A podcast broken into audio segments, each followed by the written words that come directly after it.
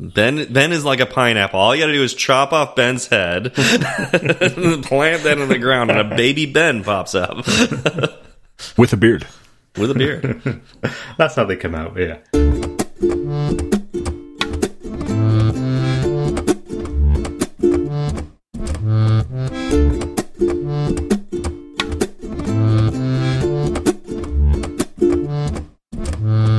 Hi, I'm Steve. I'm Chris. And I'm Jordan. And this is Fireside Swift. Hey, Chris. How you doing? Hey, Long time no see. Yeah, it's, it's been some time, hasn't it? Um, yeah. I'm surprised um, we're talking, actually, to be honest, after the last episode. Um, but yeah, nice to see you. Um, I'm pretty good, thank you. Um, what have I been up to the last... Wow, how long? It's been three weeks since we last recorded, hasn't it? Yeah. But obviously, you were poorly that time, so... Mm-hmm. Um, it's yeah, it's been some time. Um, I have been good. I have been. I think I mentioned on the last uh, recording that we had. I was going out for a fancy dinner uh, for my wife's. Well, it's my wife's. We, we call it a kidney and a, kidney anniversary, kidney anniversary. Mm-hmm. I'm not sure which. Um, so um, she had a, a, transplant ten years ago. It was a, a ten year anniversary uh, from, and her father was the donor. So we we took her uh, and her parents out for dinner, which was lovely. Um, we went to a place called Rick Stein's in Sandbanks, which is um, have, I don't know if you two have heard of Sandbanks before in mm-hmm. the UK. Mm-hmm. So Sandbanks, I believe, is this where you store your your sand and then yeah, accrues interest, and then you just, exactly every so yeah. often withdraw. You have to pay some money to get a bit of sand back. You can build yeah, a few sand castles. Yeah, mm-hmm. the sand castles. Yeah, sand I mean, dollars. This is yeah. If you need to make a down payment on a sandcastle, I would definitely go to a sandbank. Yeah, we we we we frequent quite a lot. So yeah, spend what, what's the sand dollar to UK pound exchange rate? Oh, I don't know. It's it's pretty low at the moment. COVID's you know had a pretty bad hit on it. So um, yeah, plus Brexit, you know, exactly. Yeah.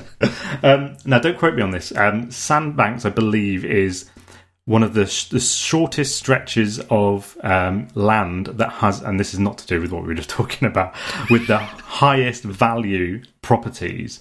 Um, there's, there's, it's, I think it was there's a man man-made area of sandbanks, um, and um, there's just these really lovely um, mansions, and there's about uh, 15 to 20 mansions. I'll, I'll send a link, uh, put it in the Slack channel after afterwards. I, I, I, just I, I can't hold back. I was like, they're all made, they're all sandcastles, right? Which is why they're, they're so expensive because they get knocked yeah. down. uh, Insurance is through the roof. oh dear. Um, so um, yeah, it's it's with the, the restaurant is there anyways. The restaurant is made, I believe, from bricks and concrete. We were sat down and it's you had food. sandwiches. Very good. I'm sorry, I gotta stop. Oh, I, I should have thought about this before I uh, started this. we went for food. It was nice, and um, but yeah, um, that was that. To be honest, most of my spare time has been. I've talked about this before. I won't go on about it too much. I've been working on my um my one of my apps. I'm mm-hmm. still working on it. I think I I think I thought when I first started working on it, it would take a week or two. It must be it must be about eight weeks now. Um, obviously, it's not consistent. It, it's it's kind of every other evening, maybe for a few hours mm-hmm. here and you know here and there. Um, but it's going when, really well. When do you start the new job? Um, it was th- it's three weeks tomorrow, so three weeks on Monday. So it's the fourth of October. I start my new job. That's awesome. Um, so I'm very excited about that. I contacted the manager um, last week just to check in, just to say hi. Um, and they, one thing they have informed me of is that that the, the week that I join, um, they're releasing a major release to the App Store. Mm-hmm. Um, so I think it was just pre It's all on me. you. It is, yeah. yeah. they said this is your first job. Um, I think he was just pre-warning me that um, mm-hmm. they're going to be very busy. Um, mm-hmm. But no, I, I, it, he sounds like a, a really genuine person. Really nice. You know, he was very chatty on the email, and um, yeah, just dead excited. I'm still waiting for my equipment. I mean, I know it's three, still three weeks to go, but mm-hmm. I'm I'm so excited. It was always been like a, a life goal that I'll have a, a, Mac as a, a work laptop, and um, yeah, I just can't wait for it to come in through the door and yeah, mm-hmm. uh, open it up. It'd be like Christmas. But do you yeah, know if they're going to send you a silicon one or? or like I don't know. Yeah, I didn't. Yeah. I didn't want to ask. I thought I'd just wait and mm-hmm. see what came through the door. To be honest, um, I'm hoping for for an M1. um, just because I'm interested in buying one for myself and to, Right. to have a, to have a go on one, or at least wait until October till the, I'm I'm waiting till the next one. yeah to the potential uh, announcement. Um, to yeah, but it'd be great to have a go on one. Um, so yeah, I'm sure I'll update you all um, once I, I get going. Um, but yeah, that's that's about it really. Um, Jordan, how have you been? You been good? I have I have been well. I uh, a couple weeks ago I, I took a little vacation down to a, a place called California. Um, ran into one old friend there Just by chance. totally by chance. Yeah. No, I, I, I went down a couple weeks ago, stayed with Stephen for a few days. My wife and I did. That was that was a lot of fun. We ate far too much food and probably spent far too much money, but you know, Yeah, that's Venice for you. Uh, the, the pictures you sent through, were you in a um, a themed bar? We were. We we went we went to um we went to a themed restaurant in in Hollywood. Mm-hmm. I was just off Hollywood Boulevard, which if you I know from the UK, you've probably never been on Hollywood Boulevard. I got to say, don't do it. Uh, I thought you weren't even going to go. yeah. I, No, we I I was downtown the other day, downtown LA. West Hollywood is very clean compared to downtown LA. So and, and- Really? yeah, that that strip on on West Hollywood is is much nicer than downtown LA. So just, just keep that in mind. Okay. well, anyway, but yes, we went we went to a, a themed restaurant. It was called uh, it was called the Beetle House, and it was it was overtly Beetlejuice themed with a well, really with a smattering of kind of all Tim Burton yeah, Tim Burton type themed, right? Yeah, stuff. Yeah, because there was there was there were they had the Beetlejuice movie playing on a projector while you're in there, and and uh, they had live performers come through while you're while you're eating your meals. You know, a few there were some. Really, they were just all singing numbers that came through, and the the MC was was you know someone dressed as Beetlejuice, and the performers where there was a there was a Catwoman and a uh, a Sweeney Todd and uh, I don't know someone else. It was yeah, one of the characters from Sweeney Todd.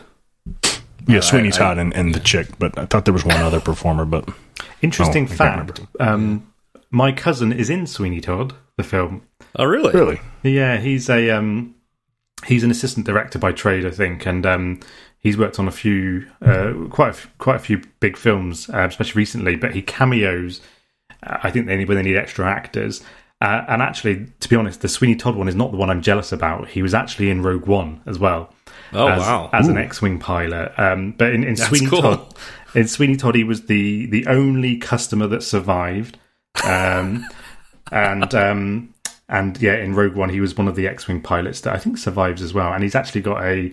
If, if I'll have to send a link on this too, but he's actually got because he was in the Rogue One film, he's officially canon in the Star Wars universe, and I think his name is like Heifers or something like that. I'll have to dig it out.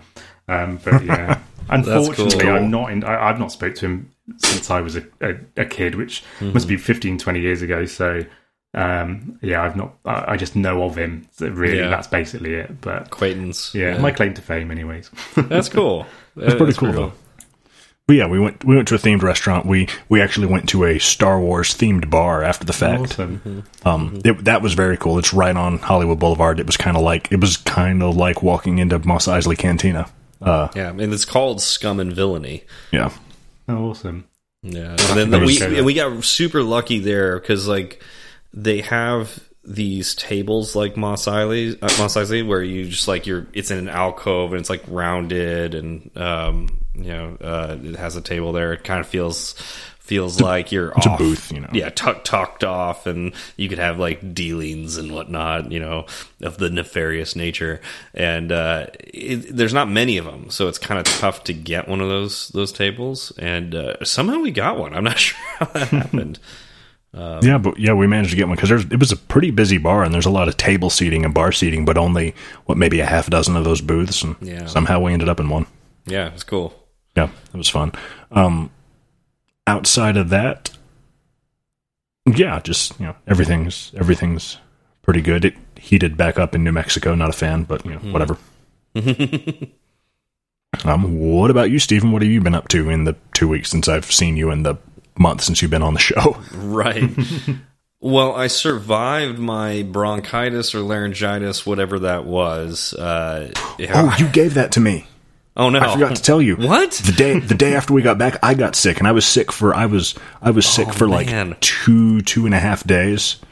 Sorry. Really nasty, like throat, like head cold, and then it then it cleared up. Yeah, Well, you well, at least it cleared up for you. Mine. See, that was a crazy thing. So, like, I, oh gosh, when we were supposed to record last time, it had I had started getting sick for maybe about a week, and so and it was just like at its worst, you know, that Sunday. I really didn't even have a voice, and then. uh so like I was hoping like okay in two weeks I'll be better.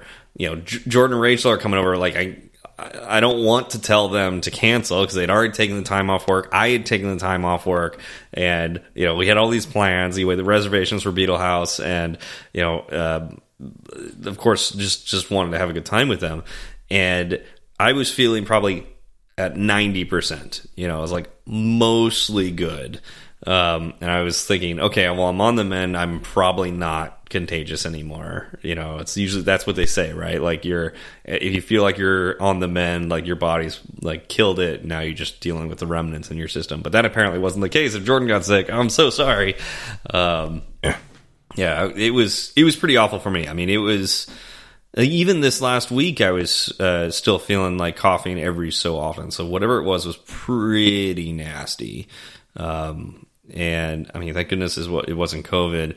But uh, it, I also wonder if it's like you know the fact that we've been quarantining for a year uh, made it so our either like our bodies didn't develop the antibodies for last season's flu season and so now when we got hit it's worse or i'm not sure how all that biology works um, but man Me either, but that's that's something I've thought about, and I've I've told myself several times, like we are definitely making sure we get a flu shot this year. yeah just in yeah. case. i'm definitely getting one and i should do that sooner than later um, I might do that today. Yeah, it's a good idea. yeah, so um, definitely starting to feel much better, um, which is great. Um, what Jordan failed to mention is that we just played an obscene amount of board games while they were out. um, I was curious, Jordan, what was your favorite board game that we played uh, during the time you were out here? That's tough. I'm I'm always a really big fan of Spirit Island. It's just you know the best co-op board game I've played. Yep, I agree. Um, that being said, we played we played some new ones. I liked Nemesis a lot. I loved loved the theme behind it. As f- but I don't know. I might have to give it to uh, Xia. I was thinking Xia System. might be your answer because that was that was a lot of fun. That was I wasn't I wasn't sure about it at first, and it might have been just because I you know I had a few bad die rolls at the beginning and started off so weak. But by the end, it was it was a lot of fun. Yeah, and it came down to the wire too. Uh, so, for the audience, Xia Legends of a Drift System is a game where you play as a, a little. You start as a pilot of a spaceship. You have your your own little spaceship, that uh, little figure, and uh, your your your goal is to become space famous. And so it's all about becoming famous. However you want to do that, you be a pirate, you could be a trader, you could uh, accept missions, you could help other players. Anything that gives you fame helps. Also, just getting lucky. You know, if you just roll the die and you get a twenty, you you get point. Um, so you're you're racing to be the most famous, and uh, you get new ships as you play. And it's like you ju- it, it's such this open world, and it's a board game, so it's like it's kind of fun that you know it's this open world RPG, but you know in a board game, and you know it doesn't last too long. So it's it's a lot of fun. Uh, we had a good time with it, and I'm glad. I, I I bought it knowing Jordan would like it, and I've had it for like a half a year, not being able to play with Jordan. So excited that I finally got to play with him. Uh, so yeah, that's that's mainly it. Uh, you know, the most most fun things besides like starting to prepare for the you know move into the new house, which I'll be doing the first week in November. Um, yeah. So, I'm, but I have closed. I'm officially a landlord right now until the uh, the current residents move out. Congratulations. Thank you. Thank you.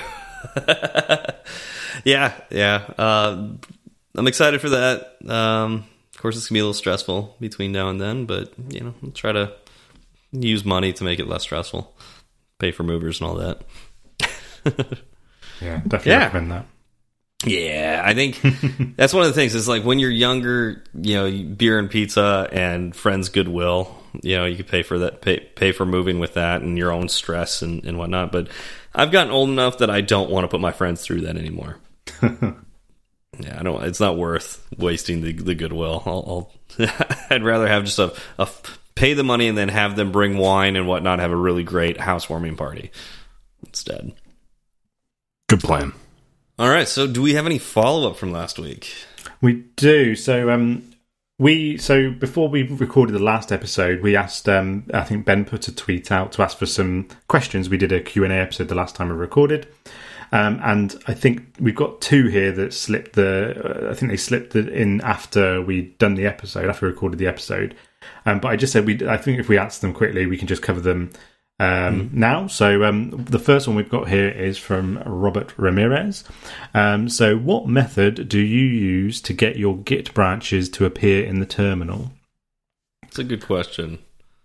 I have zero input on that because I've um, not not um, used a terminal for Git. So, Steve Jordan, any input on that? Uh, yeah, so I've got a really simple way of doing this. Uh, I use a GUI. so I'll either use Sourcetree or tower. Uh, yeah, I don't remember the command to make uh, branches show up in the terminal, so I don't do it. I don't even try anymore.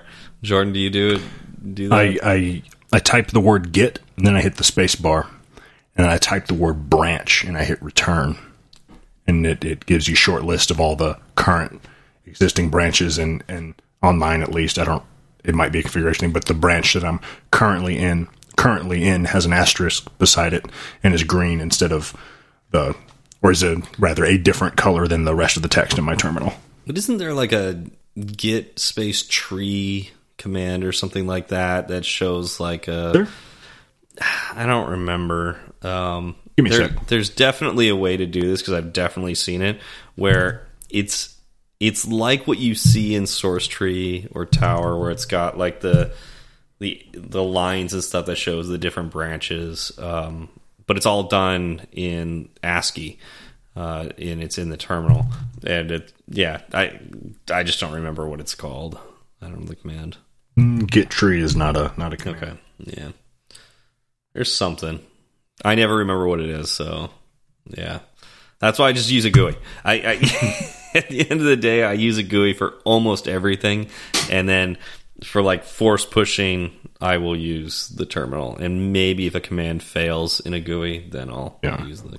I and you know I I could change my tune in the future. I've never you know I've never had to deal with a repo that has more than five or six branches at once. Right. Um. So that you know that seems manageable through the terminal, but I imagine I mean I don't know what you guys do at Tinder, but I I mean I can imagine you probably have more branches going hundreds. on at the same time than that. literally hundreds of branches. So it's yeah. So not, I could see that getting overwhelming, and and you know I I could easily I could easily see like oh yeah I'll, I'll use a I'll use a GUI for this. Yeah, it's gotten to the point where I wish, and maybe Tower has this. I just don't know how to access it. But it's like I I wish that Tower had a way to search through branches. Um, it's like there's just so many of them that uh, yeah, I gotta go find my teams folder, and then from there I need to find the folder from the project I'm working on, and then there's the remote branch I want. so it's a pain. Um, the second question that we had was from uh, Dave Price, so at Chef Dave two thousand. Um, why does Jason have to be pronounced Jason? If I think Jason, that word travels from my brain through my fingertips and ends in Xcode as Jason. I don't know if this is a question we could answer. I, when I worked at Event Farm, one of my coworkers was named Jason, and uh, it was oh man, it, he hated that JSON was the thing that we would do, and we would, you know, we would use JSON all the time, and then say the word JSON, and he would always look over at us when we would say that. He hated it. I'm So, yeah. I, but there's just, no other way to say it, right? I'm just trying I, to think. I just say JSON because that's the way it looks to me. Maybe J S O N. Yeah. yeah. J- that's too many syllables. Son. Yeah. Isn't it? Is it a? Is it um, an acronym for anything? Yeah, Java- JavaScript yeah, object. JavaScript yeah. object Of notation. course, yeah, of course. Nobody says that. That's But no, way that's- too many syllables. yeah, no one's going to say that. Well, it's just like um, uh, SQL or SQL. Mm, mm. You know, it's definitely easier to say sequel, but sequel's also another word. it is sequel to a movie. Uh, so yeah, uh, it's, it's yeah, it's tough. Yeah, I feel bad for the Jasons out there. Hmm. You know, Maybe they should just not get into software development. or they could change their names. I mean, Yeah. you know, what's in what's a name anyways? It's, it's yeah, it's not even a real thing, right? You know. Um, lastly, we heard from uh, Stuart Lynch. Um, we, I think we talked on the the show about. I think one of the questions that we had was what was our very first um, Mac that we uh, that we ever had, and um, Stuart mentioned that his first Mac was a 1987 Mac SE with no hard drive but two 3.5 floppy drives. Two floppy. I drives. eventually added a 100 meg uh, hard drive. Never need Now- to upgrade that after that. 100 meg. That's that's so Well, many floppies. My audio recording is already 124 megs, so um, Yeah. Me too.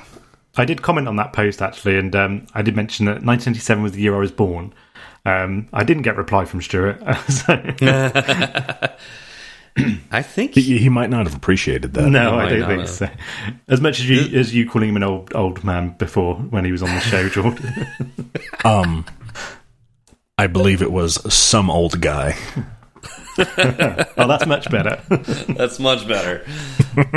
uh, I think I remember. Like, I think I learned to type on one of these. Like, I think my school had a bunch of these. I, I wonder. Yeah, I wonder if this was the, the the model that I had growing up. I don't remember. It looks familiar.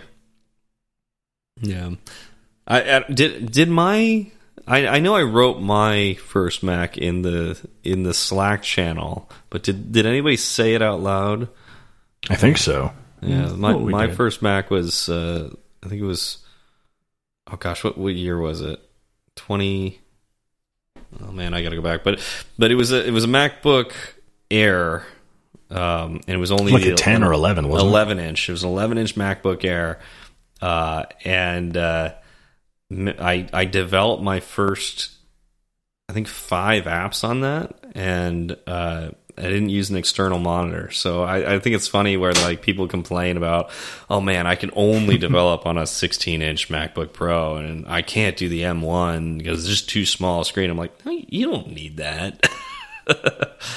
No, you you don't with need that. you get spoiled with uh, all these this screen real estate. You don't need it. Yeah, you mentioned in the Slack it was a 2012 11 inch MacBook Air. 2012. Okay, that's yeah. Yeah, yeah. Yeah, I still have it. Uh, I don't do anything with it anymore, and I think it still works just fine. I think the battery's almost shot, but you know, works great. But yeah, uh, I, I was definitely a latecomer to the the Mac game. Yeah, but uh, dove in pretty pretty uh, head first. Anyways, um, so Jordan. So, Steve, You know when you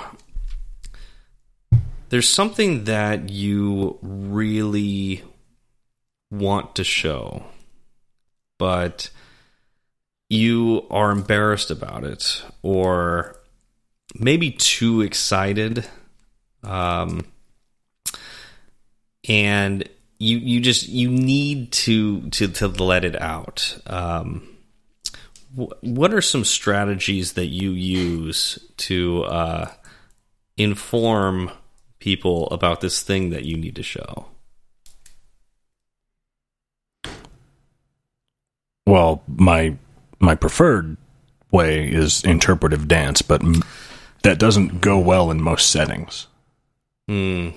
Yeah, Chris, uh, do you use interpretive dance? I think this is a, a really great strategy, um, and if you don't, I would definitely recommend it. Uh, so, I, unfortunately, I'm not much of a, a dancer. Unfortunately, um, it's not something. Yeah, I'm- me either. But um, I think the trick is is anything that I've got to show anybody, I'm not usually generally um, I'm not embarrassed about. So Oh, okay. Yeah. So you go, yeah, you just like just let it out. it just yeah, whatever it needs, Hmm. it's just all coming out. Yeah, Does that ever backfire?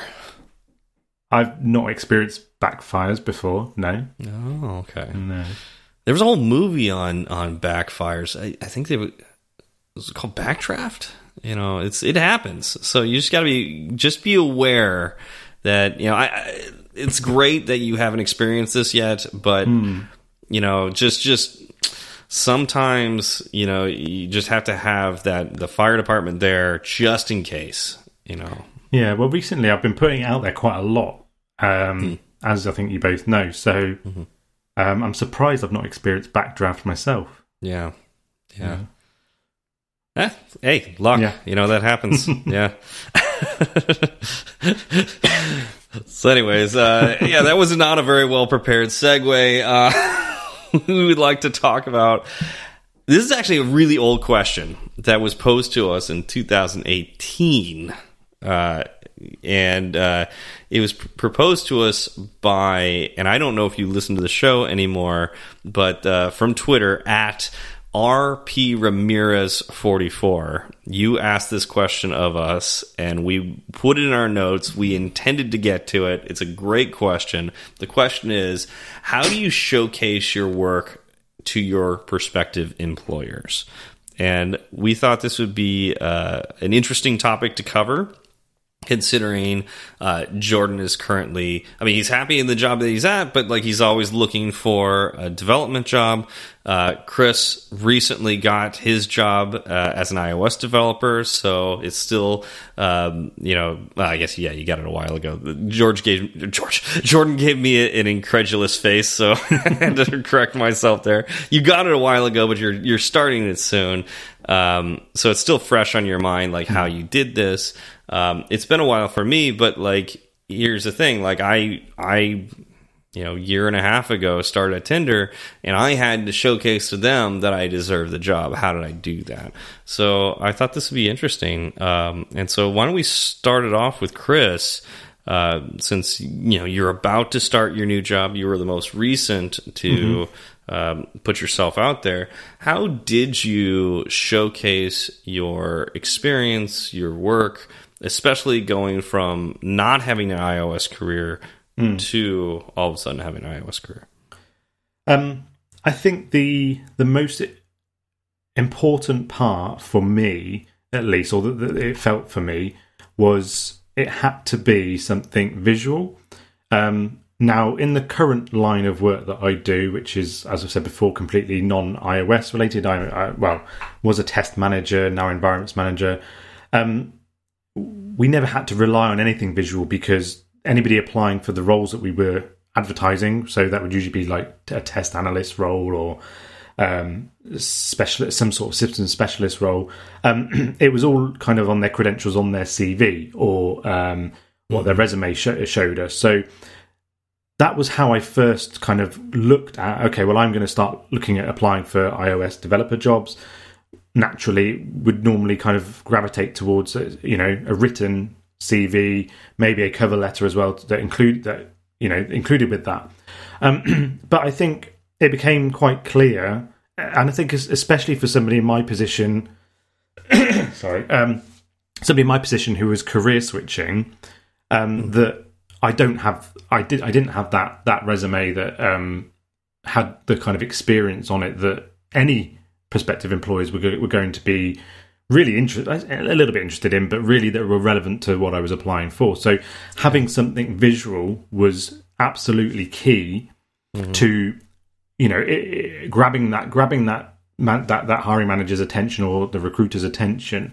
Um, I think, you know, when when, when somebody receive, uh, I've done rec- recruitment before. It, it can be a, a very dull process reading through numerous CVs, reading through uh, a lot of people's cover letters. You having something that stands out, especially when, uh, like I said, mine didn't have anything that stood out on on written that would stand out. Having something visual, absolutely, um, would stand out. And I think um, that really helped. And I definitely noticed a difference that once I put something visual together, um, that showcased my kind of experience and, and what I what I could do, that immediately grabbed uh, the attention of prospective employers, and I, I immediately did see a response in terms of I was I was getting responses on oh okay this is fantastic. We'd like Yeah. to you know invite you to the first stage you know kind of chat. As as you know as, as specific as you can get you know what what what did you put on your cv that was visual that they could see you know was Um, it the the lord of the rings app was it the um the google ads app and like and how did you present that Yeah, so um, I, I decided very uh, early on, once I was applying for jobs, that I wanted to do something visual. And like you say, how, how did I approach that? Um, my I wanted to put a portfolio together of work. Um, so I used um, Squarespace um, to, to to put together a, a portfolio. Um, I drew inspiration from other people's port. You know, had a look around at what I was drawn to in terms of what I liked, what I didn't like on certain people's um, their own portfolios. Um, Sean Allen, I, I, I talk about Sean quite a lot because he's, I think, helped me massively, and he does. Um, he's got a portfolio that he explained how he put together and, and how he, um, you know, uses that for his benefit as well, and, and he's obviously very open about sharing that too. Um, he also does um, one thing to plug, I suppose, is that he does do portfolio reviews.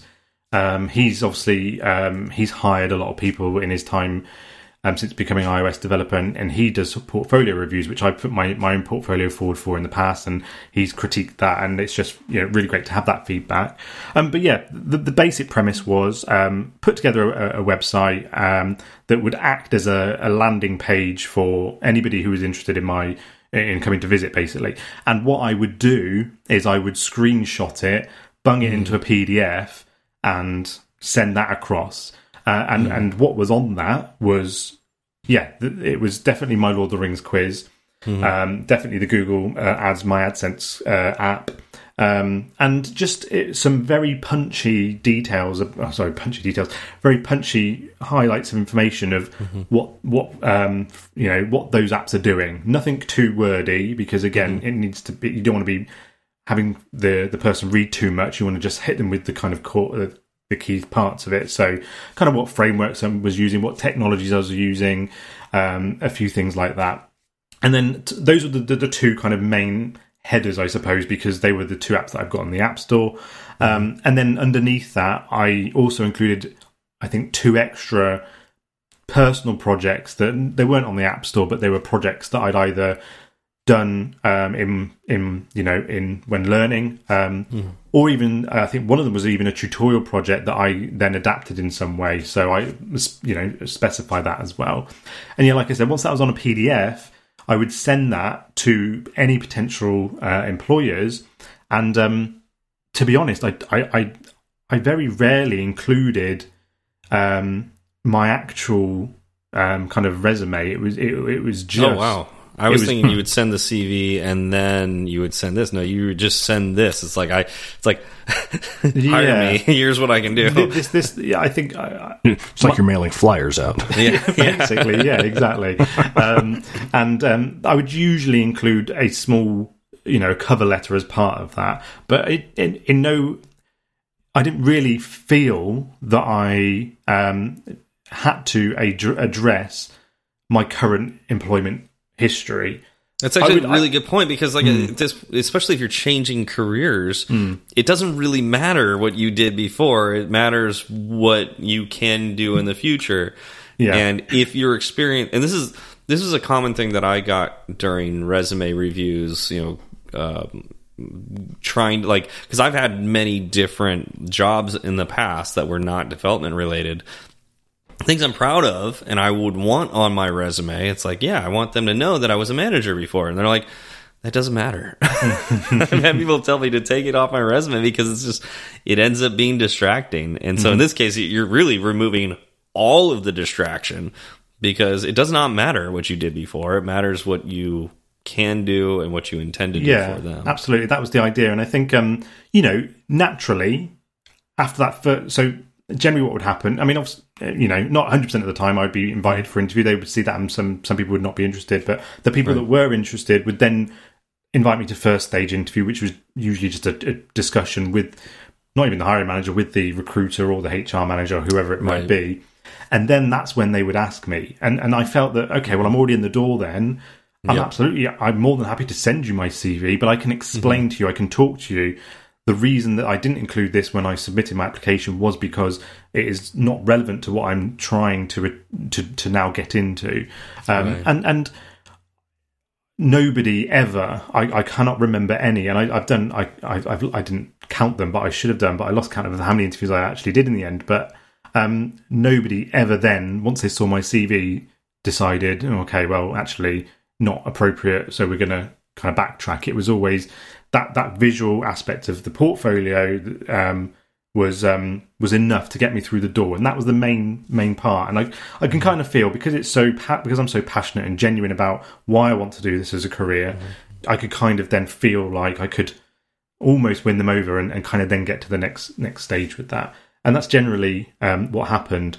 And um, yeah, and just to go to go back to the the portfolio slightly, the um, when I say something visual, there was always screenshots. There was always a few, just a couple. Again, just just to I suppose tease the person who's who's looking at it. This is what the app looks like. And again, I'm relatively um, comfortable with my um, UI, etc. So um, it it looks okay. So you know, I felt that that was enough to kind of grab the person's attention. So absolutely, visual, having something visual is, I would say, paramount, especially when coming from career change. I think mm-hmm. next job, if if and you know when, whenever that might be, and I think I, I I've you know listened to podcasts before and things like that, and people have said this before. Getting your foot through the through the door first time is that is obviously hugely difficult. 2nd mm-hmm. job, they are going to probably want to know more a bit about what I have been doing and what my experience is, and absolutely, I would then ta- take that decision to include a bit more of a CV resume type, you know, Yeah. document. Yeah. Yeah. I'm over here taking notes. yeah, I can see that. Uh, Jordan, you, uh, you have a, a website portfolio up, right? I thought, you, Uh, or have it you, is not up at the moment. Not at the moment. Okay. Um, yeah, I, that's something that I never did. Um, I, although I, I that was suggested. You know, that was like one of those things that uh, I, I've definitely seen candidates have uh, for even for iOS position, not a web web developer position. They'll have a website that has you know their their apps and whatnot. Um, but you know what? I'm thinking like when I did change from being an electrical engineer to an iOS developer, I had my own company. And so instead of uh, having a personal portfolio, I would send them a link to my company's website and say, well, I own this company. I'm the lead developer in this company. So these are my apps. And so it was like, that was my personal portfolio. So now I'm I'm, I'm backtracking a little. bit. I was like, I didn't have one. Yeah, I did. I I did. I just didn't have my name on it. Not just my name. It was, it, you know, it was through Squarespace too, which is funny because we all did Squarespace back then. Um, and uh, yeah, it was for my company Byteware. And uh, gosh, I don't even think it's up anymore. Um, but uh, we had our our apps that we had out, the ones we were working on that we had like you know the marketing buzz for, or at least we were trying to develop some marketing buzz. Uh, so it looked nice, and I think that did help me get through the door. But that that wasn't the first thing I would send. I w- I still went resume, um, and but I, I think it it helped for it was fine for me because even though I didn't have an iOS developer background, I had a strong technical background, uh, which you could see with my education and the, my current job. And even in my current job, I had some Android development in there. So it was like already on the track. Um, and I also included in my resume my company, my work with my own company. And so it, it looked like, you know, it already looked like I was on that path. Um, so but I definitely could see that if you don't have that and you just have example apps, if you have your own personal apps on the App Store, that's a little harder to represent on a resume. So uh, I, think like the uh, portfolio. method. the the the, the typical question is is how much commercial experience have you have you got? And Yeah. you know, my answer was always zero in terms of Mm-hmm. doing this professionally. So there had to be a different way to say, yes, I've got zero commercial experience, and I have to be honest with that. I, you know, I can't, I can't lie about that. I, I, but I hate that question on job applications. Yeah. yeah, How much professional development experience do you have? Well, zero. Thanks for asking. yeah. Um, and I think one one thing that's also helpful is that uh, there there's a short section on my portfolio at least as well at the, at the top that just introduces me, but also I, I bunged a few things in there like when I started doing Fireside Swift. That's on there. Um, when I did the iOS developer community community survey, I put that on there. So again, just a few just trying to flog myself as much as possible, basically, to say to, to just to show that you know that I am because I, I do appreciate that you know I still think that the company now that I'll be working for in a few weeks' time it, it- they are taking some sort of gamble on on somebody with zero experience or commercial experience, like we've said. Um, but um, you know that they know that I'm passionate, they know I'm invested in it, so um, I think it's important to just try and put that across um, because you once you've got the, the foot through the first stage or the first the hurdle, the door, um, then um, you know you can then talking to somebody you can just uh, engage with them a lot more and explain a bit more about kind of your story and, and what you why you're applying for it, that job, which I think is very Yeah. important. Yeah, absolutely. I think getting the getting past the screening phase allows you to be human. Mm. You know, before that screening phase, you know, bef- you know, then you're just a piece of paper. You're you're um, you're that resume or you're that portfolio, and you're not real Yeah. yet. Um, as soon as you get across that, then you're allowed to be human, and it's it's a little harder to reject a human. There's a little exhilaration that comes with that too. Like I, I, I, I look forward to getting to the interview phase with, with places. I'm like, yes, please talk to me. I'm, I'm, I'm very pleasant. yeah, yeah, it, yeah, yeah. It's uh, it's, it's like the old phrase: "It's not what you know, it's who you know." And a lot of times that requires, you know, like part of that is like literally just getting through the door. You know, you're you're way more likely to get that job if you can just talk to somebody. Um, and so oftentimes it requires extra connections to have that conversation. Un- unfortunately, we're at a uh, we're we're in an era where, particularly for these kinds of jobs, but really for I, I think I think most jobs, our our parents' advice of you know go in and ask for the manager and shake her hand and hand him your resume that doesn't apply anymore. Does not apply. Yeah, well, especially now when nobody Yeah. has an office, uh, it's Yeah. like even less likely. But yeah, yeah, that doesn't doesn't happen anymore. And I mean, especially in Now tech, it's as you mentioned, getting that your foot in the door is the people doing the hiring don't necessarily even know what they're looking for, uh, especially for um, you know entry level. They, I I know so many companies that only look for a senior developer. They don't even know what a senior developer is. Um, and the reality is, they don't need a senior developer. They need somebody who's uh, you know probably just very capable and eager has enough knowledge behind them to not screw up uh, and and then can learn on the job. That's usually what they need, and they don't they don't even Yeah. hire for that.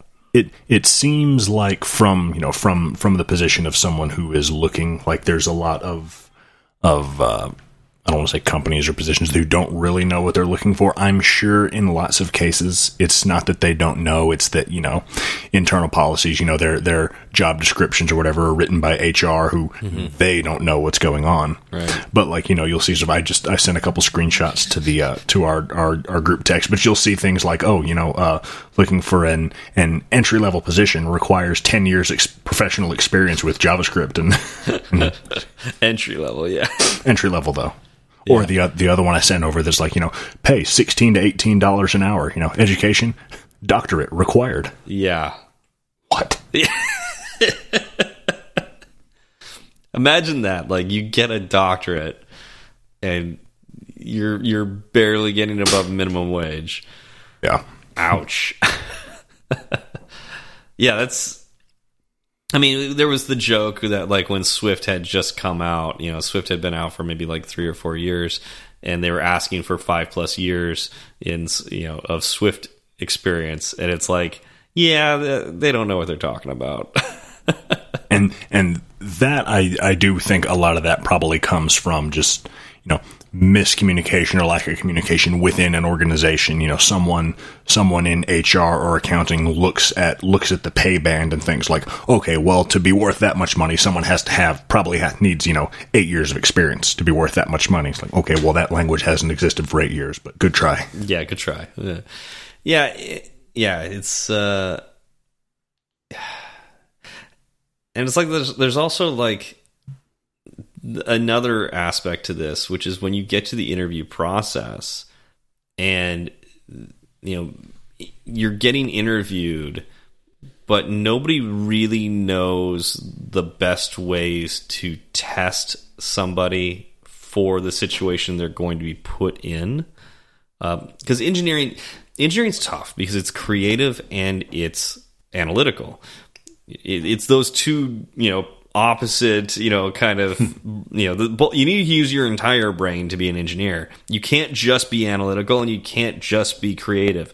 Except we really struggle to test the creative side. We're pretty good at testing the analytical side, but here's the thing if you're only analytical and you're not creative, you're I'm going to probably piss off a lot of engineers out there. You're probably going to be a bad engineer. Um, you need to be able to creatively think of solutions.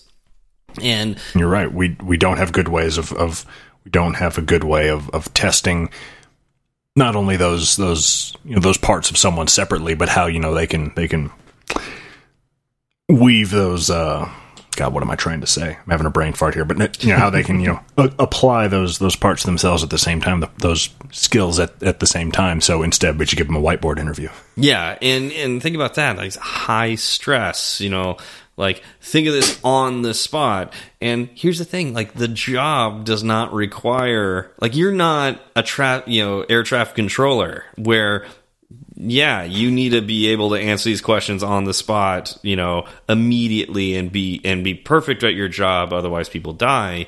No, as an engineer, you get plenty of time to think of an answer. You go to your quiet place or whatever it is, whatever your process is to, to think creatively and you come up with your solution. You come back and you solve it.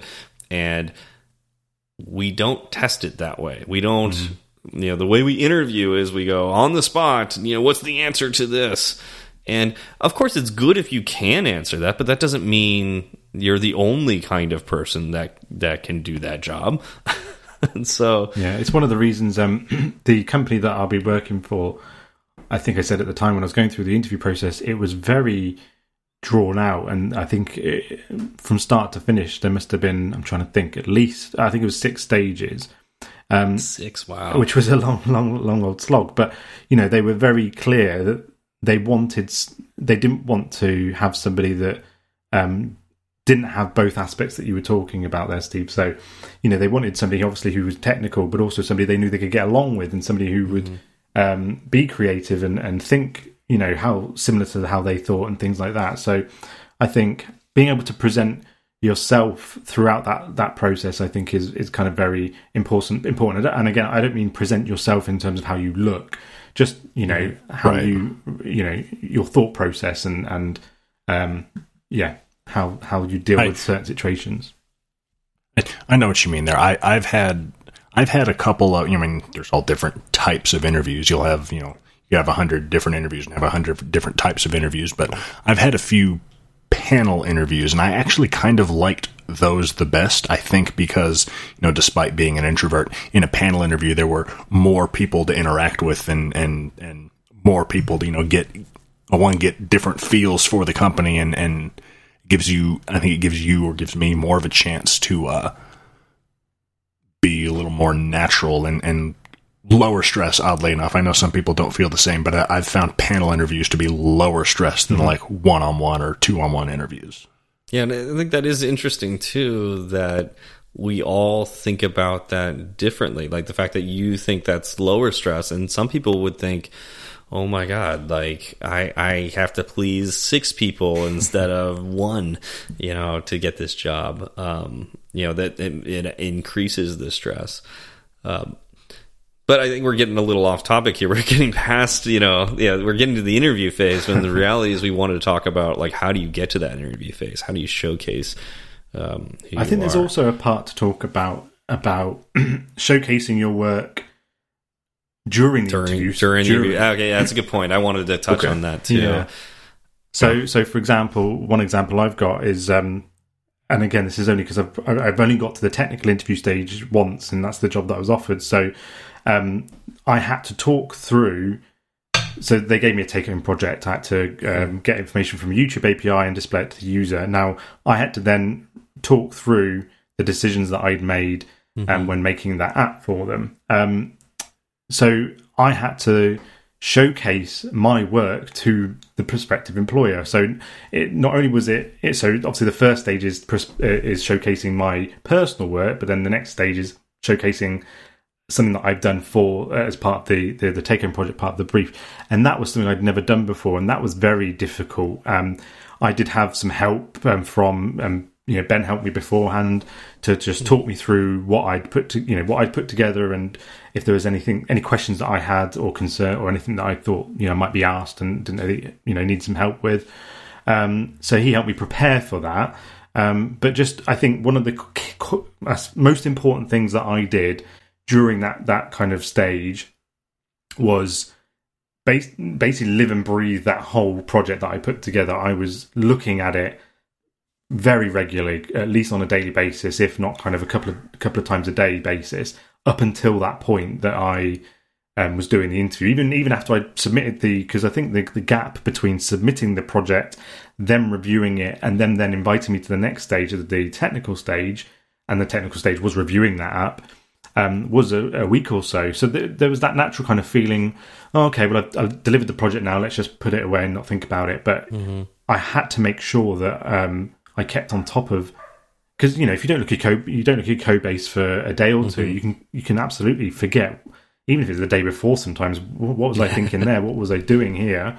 And, and absolutely, you might think of different ways to do certain things, but that's really good as well because I mm-hmm. can talk to the interviewer about what I've thought since I've mm-hmm. submitted the app as well. So I think just that was one thing that was really important for me, at least in terms of showcasing what I can do or can or could do, um, is living and breathing that that take home project, even after submitting, uh, right up until the the um, the technical stage of the that interview. That was very important, I think. Yeah.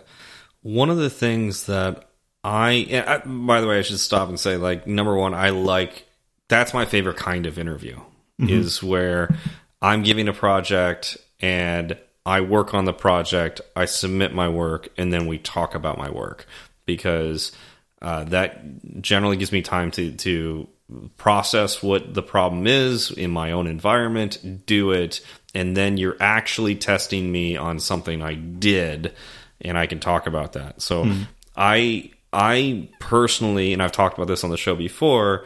I think that's the best way to test a prospective engineer. There's other things that you should ask them, but that's a great way to put them in an environment where they're comfortable, they're familiar, and they should be able to answer the you know questions about their own code. And if they can't ask answer questions about their own code, that tells you something about them as an engineer because guess what you have to do when you are working at a company, not only do you have to ship good code, you need to be able to explain what you've done so that you can get the approvals on your PRs and also help your team understand what you've done so that they can continue working on it. So I think I think that's a really good test. I really like that kind of interview.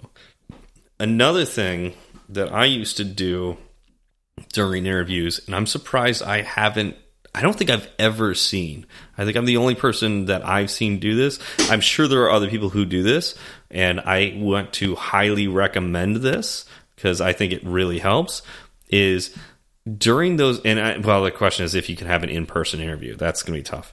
But when I would do in person interviews, um, like when I was uh, trying to get the job from uh, being an you know electrical engineer to to a, um, an iOS engineer, um, and they would ask me or I would start talking about the apps that I had done in the past. Instead of just talking about them, I would open the app on my phone, turn it to face the interviewer, and slide the phone to them so they could interact with the app that I had written. Um, and again, I don't think I've ever had anybody do that to me when I was interviewing them, but they would have gotten huge points for doing that because it's confidence in the work that you've done. You and just like from a showcasing perspective as like the the candidate, this is something you've done so you're familiar with it.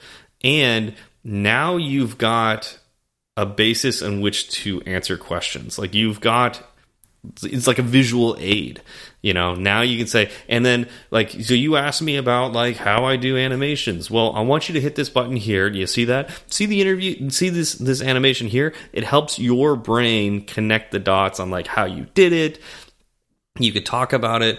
Um, there's a lot of psychology uh, around like having that visual and having somebody look at that makes your words more believable and stick more. Because uh, now when you talk about it, uh, you know th that's going to be in the interviewer's mind. Um, so if you're you know a web developer working on that, you know even on Zoom, you can say, "Hey, can I share my screen?"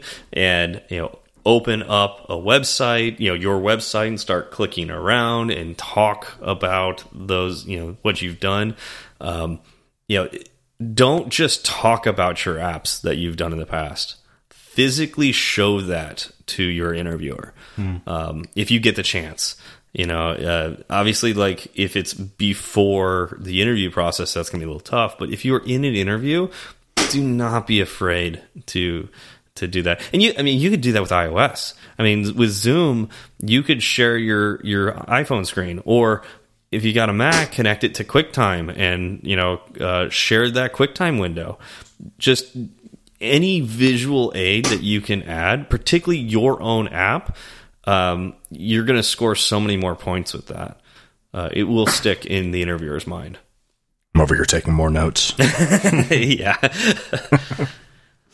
Yeah, it, yeah, it, it, it can be tough, right? Like, especially if like there's some known bugs or something like that, or you're not proud mm. of the work that you've done. Um, so you know, try to write stuff that you're proud of. I think, and and hey, if it's a known bug, then uh, avoid it. yeah, you got control then. yeah, or talk about it. You know, that's yeah. another thing. It's like, oh, that's that's a known bug. I'm working on that right now, and here's how I intend to fix it. Mm. You know, that could also help you. You know. It, it uh, almost always can only help you um, in that case. But if you just give them a link to your your your app, I mean, I had an app that I was very proud of, but it was behind a paywall. So the only way the interviewer could see it is if I opened it up myself, or you know, gave them a a code to download it themselves, and they weren't going to do that. Mm -hmm. So I really had to show it to them. You you you reminded me of and uh, that you know I didn't connect the dots between between this and an interview. You reminded me of one particular uh, when I was doing that that web development uh, course I did through University of Arizona. Um, there was a presentation that I, you know I was in a group had to give, and I, I was the presenter for the group, and all these different groups are going because everyone's on Zoom at the same time. And we got to my group. My group back ended up being the last group, and you know whatever this it was a, a, website that we'd made but you know part of it had to be responsive so when i opened up to when I started to do the presentation on Zoom, I had my, my iPhone connected to my computer and I, I shared my iPhone screen through Zoom instead of my uh, instead of my the screen on my laptop and, and did it did it through there and that was I think I think it impressed people, but that yeah. was I don't know. I, I, didn't connect. Oh, the same things that work in a presentation could work in an interview.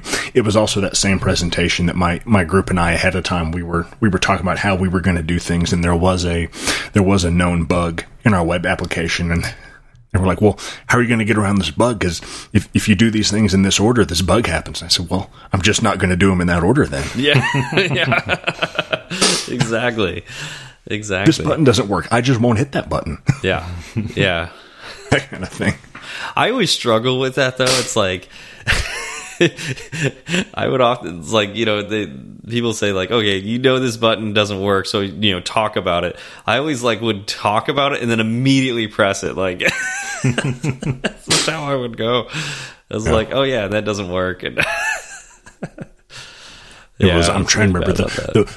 Our bug was actually it was something simple. It was in a web application that we built that required authentication. Like you had to sign in and then signed in, people got a you know got a different page.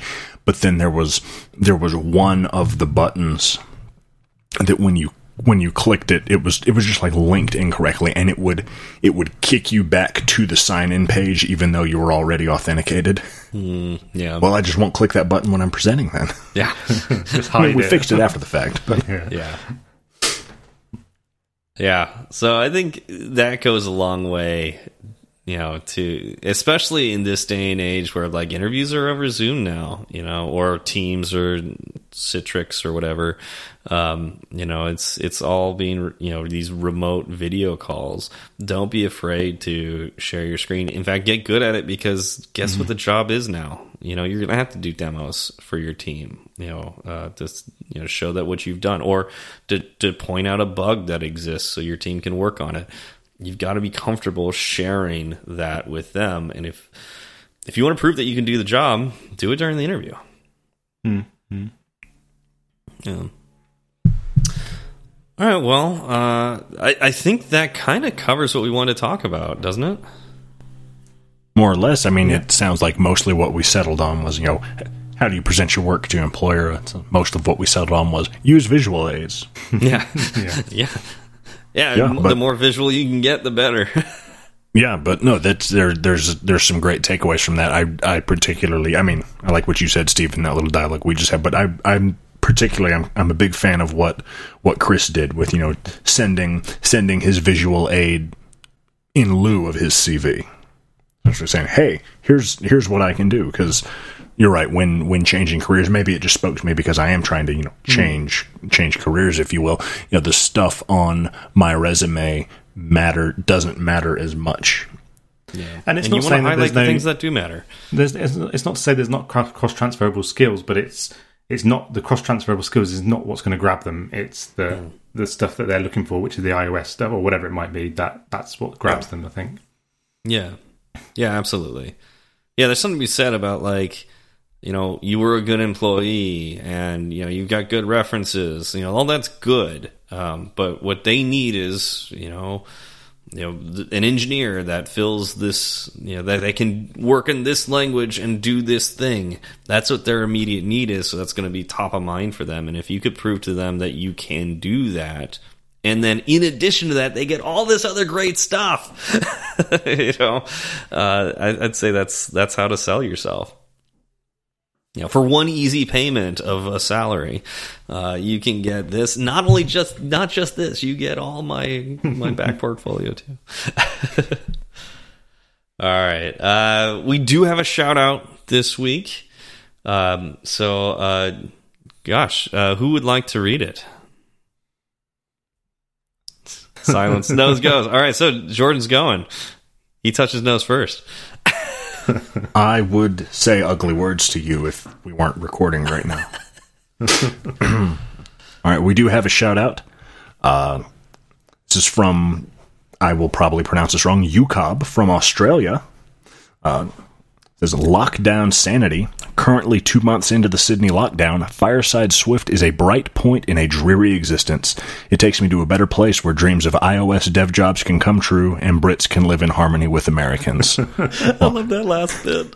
Th- thank you very much for the uh, for the the good review and the good good uh, yeah for the good review, UCub. I harmony is a strong word. We do we do make fun of Ben a lot off the air. That's true. Um, and we make fun of him even more behind his back. Sorry, Ben. By the way, we didn't even talk about why he's not here, did we? even worse. I actually that that sentence you said is I think the first time that we've addressed he's not here. That's true. We were just doing the episode with the three of us as if as if it was normal. yeah, Maybe I people can vote. Was it was it better? Was it worse? yeah, I know. Less groaning during the segue. Uh, we actually had a segue this week, uh, unlike last week. I'm, yeah, Don't know what happened. It was Ben's fault. uh, As look, with Ben not here to defend himself, I can comfortably say that was 100% his fault. yeah, Yeah, Agreed. definitely not the discussion that I heard when I was editing. Wouldn't be funny if we didn't have a segue this week and how would Steve's mind explode? And guess what happened? uh, but yeah, with uh, UCOB, uh, sorry that uh, you have a dreary existence. I mean, I've I've heard terrible things about Australia, so Yeah, but usually it's about like wildlife, not yeah, animals. well. Do we do we Well, we don't we don't need to go into that. do we protect you from the wildlife? Is is that what? but no, uh, yeah, really appreciate the great review, um, and hopefully we can keep your sanity, even though I feel like we're pretty insane on this show. So, um, yeah. Anything else we want to add? No, No. from. All right. Well, thank you all for coming out, and we will talk to you next time. Thanks for listening. Later, everyone. It's such a good feeling to be back with you, cause second season was long overdue. Let me introduce you to the new Fireside Crew. Chris and Ben are the English blokes who correct your grammar and tell witty jokes. Jordan is the baritone. Steve's the one you already know. Zach left to spend time with the shorties. Raise a glass or tip your 40s, giving props for the last three years and for helping out so many peers. Now let's get down to business. Let the four of us beg your forgiveness for excruciating segue puns and mistakes that might confuse someone. Twitter's great if you've heard us slip, or if you want to share a pro tip, we're at fireside underscore swift at fireside underscore swift. You can message the entire ensemble, or just one of us if you're more humble. We'll leave our handles in the show notes for you, and get back to you real soon. If your message is a little too long, there's firesideswift at gmail.com and firesideswift.com. Firesideswift.com. If you like the show, leave a review. If it's five stars, we'll mention you on the very next show we do in a fortnight or two.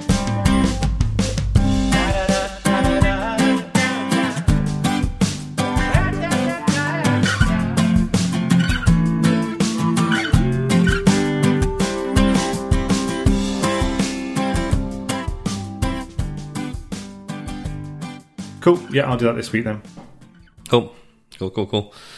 Um, Is that a Brooklyn Nine Nine reference or not? cool, cool, cool, cool, cool.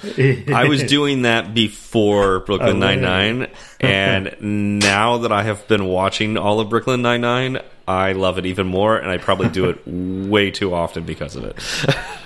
Yeah, we, I- we've I- just finished series I had to cut back on cool, cool, cool. It's so easy to do. the funny thing was like Megan would hit me while we were like looking around at houses, and like the um, the real estate agent would be like saying something, or I'd ask a question, and they like respond like cool, cool, cool, cool, cool, cool, cool, and she just like elbow me. I was like, I'm not trying to be funny. I'm just like, It's like a subtle yeah, reference. cool, cool, cool, cool, cool, cool. Like I didn't even know I did that. You know, when you said that's a Brooklyn, I was I had to think back. I was like, wait, what? What did I do? Well, my wife did it the other day because we've been watching it as well, and um, I, yeah, it just stood out. And then when you said it, it just yeah made me think of that. Oh man, what a great show! What a great show! Yeah, Brooklyn Nine Nine. We're almost done. Well, no, the la- we we finished this the last season. Now the last last season is being aired. Right, like hmm. this is the final. It's- I think that I don't know if it final started episode airing comes yet, out but in a week or so. Yeah, okay, Oh. yeah, I thought Is it it already? I need just to. started coming out. it might be in America. I don't know. Might come out a little bit earlier out there. i'm not sure. But that okay, that Ted Lasso, of course, is great. Although I I'm not a fan of the first half of season two, and um, I've got reasons for that. Um, haven't I haven't watched that. I got I got very excited yesterday when I was I was looking through stuff on YouTube and I a movie trailer came across and I watched it and obviously I, I knew but I, I realized that we're we're less than a month from the next James Bond movie oh wow, I forgot about that. October eighth. Very excited. I'm not sure how I'm exci- if I'm that excited for the next James Bond. I feel like feel if Skyfall was the last one, right? Skyfall was the Yeah, most recent one. Yeah. And that one was good, but it just doesn't feel like old. Well, that one was the closest to like feeling like an old school James Bond, Right. And I really like Casino Royale.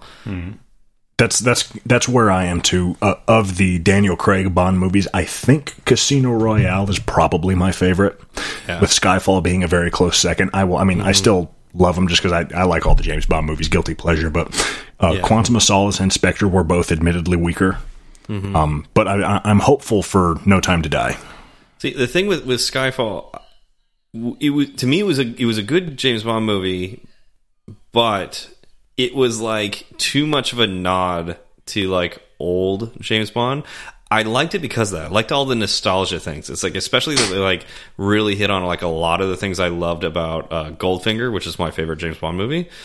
And it's like they had the Goldfinger car, they had like all like like literally the Goldfinger car. It was like, oh my god, this is so awesome. Yeah, that was that was a that was a giggle moment in the theater watching that movie. Yeah. Garage door comes up, silver '64 Aston Martin DB5.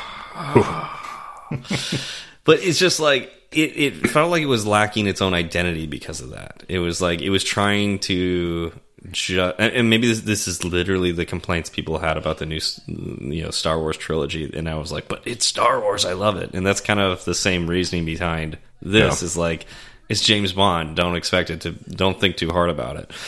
Exactly. it's just fun. Um, It it is. I I do. I said I really like them, but it, it's it's one of those movies I put in that it's they're in that that mental category that like I know going in what I'm getting. I know Yeah. what I'm asking for. Like, yeah. you know, it's, it's Yeah. oddly enough the same way. You know, the same way I the same way I have to think about it or, or I phrase it to, to Rachel when like we're gonna watch something like Godzilla or Pacific Rim. I'm like, hey, you know up front what this You know. movie is. Like, don't expect more. Uh, Pacific Rim, the best bad movie I really or the enjoyed it. yeah. worst good movie. exactly yeah because you just go in exactly like you said you just go in you know it's not going to be amazing but it's just fun and, and then it ends fun. up being pretty yeah. pretty great because oh man, it was Pacific Rim was fun. I heard that the sequel was actual hot garbage. I never watched it it. was so bad. Although, okay, so Pacific Rim like ha hits that magic like in between where it's just like either it's amazing or it's awful, but you're not really sure. And so it's like perfect. It's just like hits that sweet spot, like the first Transformer movie hits Yeah. that sweet spot. Pacific Rim 2, whatever it was called, was literally terrible. So, and I, I mean, I, there, like, Pacific Rim, like, it rode that line. There's, like, no way you could do that again with a sequel. Like, it's just not possible. So, you know it's going to be awful. And I knew this. So it's like, when I saw it, I was trapped on an airplane going to Europe. Uh, I think it was for, I think it was going to like Ireland. It was that Ireland trip where I met Ben. I met Ben uh, that trip. Um, and uh, so it's like, oh no, no, it was the Italy trip because I remember talking to my parents about it. Uh, so I went to, Italy, I was going to Italy. So I was trapped on a plane for like, I don't know, however long that was, like 12 hours. Uh, maybe not that long, but a long time. And I you know was wa- like I watched I kind of exhausted all the movies I wanted to watch and I was stuck. And so it's like I was like all right maybe I'll watch Ready Player 1 talk about hot, hot garbage. That movie was so bad. And think about how bad a movie has to be that you are trapped on an airplane and you turn the movie off. Yeah. Ready Player One was that bad. So I turned on as my second choice Pacific Rim 2, and that one was really bad, but not nearly as bad as Ready Player One. I actually was able to sit through it. Was it good? No. It was absolutely like the kind of movie that you would watch on an airplane and you have nothing else you to have do. no other choice. I had I had a well, like if I'm going to be locked in an airplane with a movie, at least at least I'll pick this one. yeah. Whereas, And- and- Pacific, whereas Pacific Rim itself, it is it is also not a good movie, but somehow it also cannot be improved upon. Right, right. exactly. and Ready Player One was so bad, I would have been willing to sit in silence on the airplane and do it. like twiddle my thumbs than watch it. I felt like I was actively getting dumber by watching that movie. I had a film like that. We when we were flying back from um, New Zealand, but we we had a two year old with us, so our son was with us, so we didn't Was actually get a lot of time. or one of one of the Hobbit movies. They, they were on there, I think, but you know, I was probably sick of them by then. um, but no, I we um, I, I, I just needed something to just not think about and just kind of vacantly watch, and I found myself laughing at Daddy's Home Two. And I was getting very judged by my wife, um, um, and it's I don't know if you it's a film. Who's in that? Is that The Rock? I, I've just had to. I've just had to uh, check on IMDb just to remind myself. But it was Yeah. um, it's Will Ferrell, um, Mel Gibson, Mark Wahlberg, and um, John Lithgow. and um, I think it was, I it's haven't Mark Mark Mark Wahlberg and Will Ferrell play dads, and they're kind of competing against each other on who's the best dad. They both okay. got dad like dad issues, and then both their dads. One of them is Mel Gibson, and then the other one is John Lithgow. And um, yeah, I, I watched the after watch after finding that one quite funny. I watched the first one, and the first one was awful. So, um, and to be honest, the second one was probably awful as well. But I think I just went into it knowing it was probably going to be bad, and actually quite enjoying it. I am. I I know this is a sentence that, that there's a lot of people that would upset, but I am automatically skeptical of any movie that has Will Ferrell in it. I know what you mean. Yeah, I, Yeah, I know what I you- don't yeah. dislike Will Ferrell, just but there are but he is in some questionable movies. Right, and I think it's really interesting. Like early in his movie career, like he had some solid, solid hits, and for a mm-hmm. while there, I was willing to watch anything with him, and I think that has changed. I think he rode the wave of Anchorman and Elf very well. Yeah, yeah. and and because those well, films, Step Brothers, Step Brothers, Yeah, Talladega Step- Nights. I mean, Yeah. like he had. There was a series of movies that were just legitimately funny, good Yeah. movies.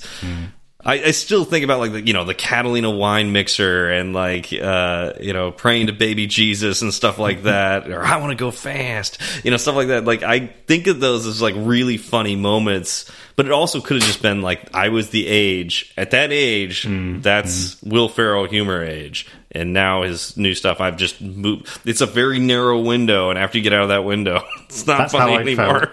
That's how I felt about Adam Sandler.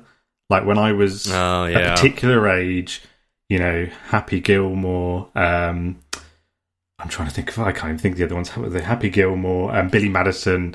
Those films, I absolutely, you know, I adore them. They're hilarious. Of course, Um, they're classic. but I think now, I think I've not seen him in anything that is. I don't know if anybody has. I think he's the highest paid worst actor in the world currently, isn't he, or something like that? But um, I wouldn't say worst actor, but with with the most movie flops uh, under Yeah. his belt. But um, yeah, I think that's got a particular, like you say, a point in time where absolutely loved his work. So Yeah, he he does he he's in some interesting movies too because you know you've got I mean there's the the total the total flops like you said and then there's those super you know I mean it's hard to think of more kind of irreverently offensively funny movies than like Billy Madison and, and Happy Gilmore and then you'll turn around and you'll watch something like Click or Fifty First Dates and you're like why am I why am I tearing up in an Adam Sandler movie what's going on yeah Wed- Wedding yeah. Wedding Singer is another good one. I I loved the Wedding oh the Singer. Wedding Oh, Singer I forgot Singer, about such that a good movie Did Wedding you- Singer's good, and um, oh, what's it called? There's some. Oh no, there's something about Mary. That's Ben, that's Ben Stiller. Never mind. Ben Stiller, yeah. That, talk about somebody I'm very skeptical to watch a movie of. Uh, but have you seen Uncut Gems? I've not seen that. No, This is like Adam Sandler's most recent film. no. Um, probably should have been nominated for an Oscar. Uh, Really? it's what the film or him? Uh, both actually. Oh, it's a really? well written film. Of course, I think he wrote it and directed it and starred in it. Um, it's it's. I don't think I'll ever watch it again. But that does not mean it was not a good movie. I mean, it was so stressful.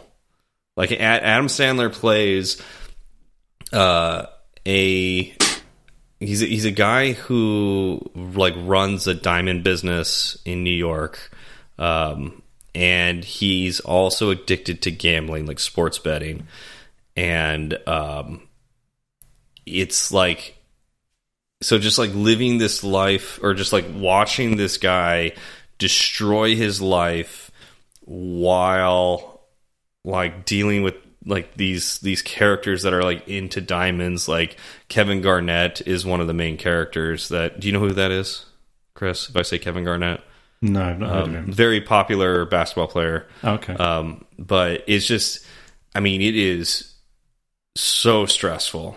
But that tells you, like, I mean, this is Adam Sandler. Like, you you you would think, like, oh, this is gonna be funny.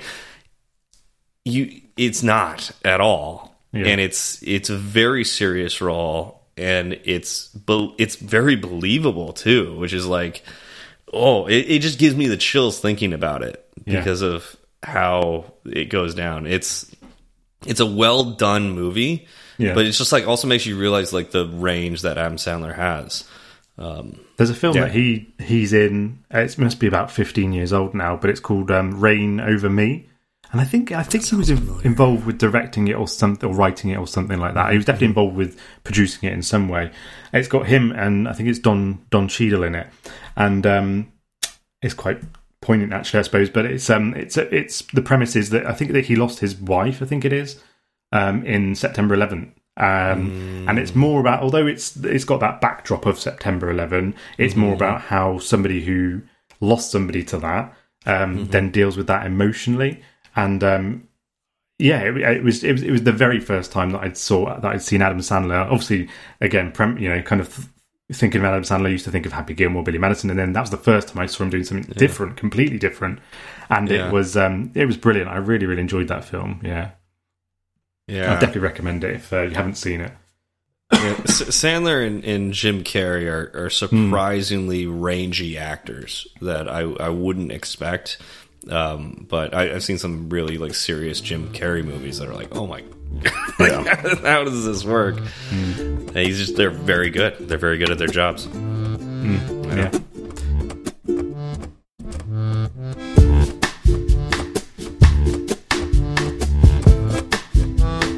Ding. That's for that's for Mr. Mc- McSwiftface. Hi, boy.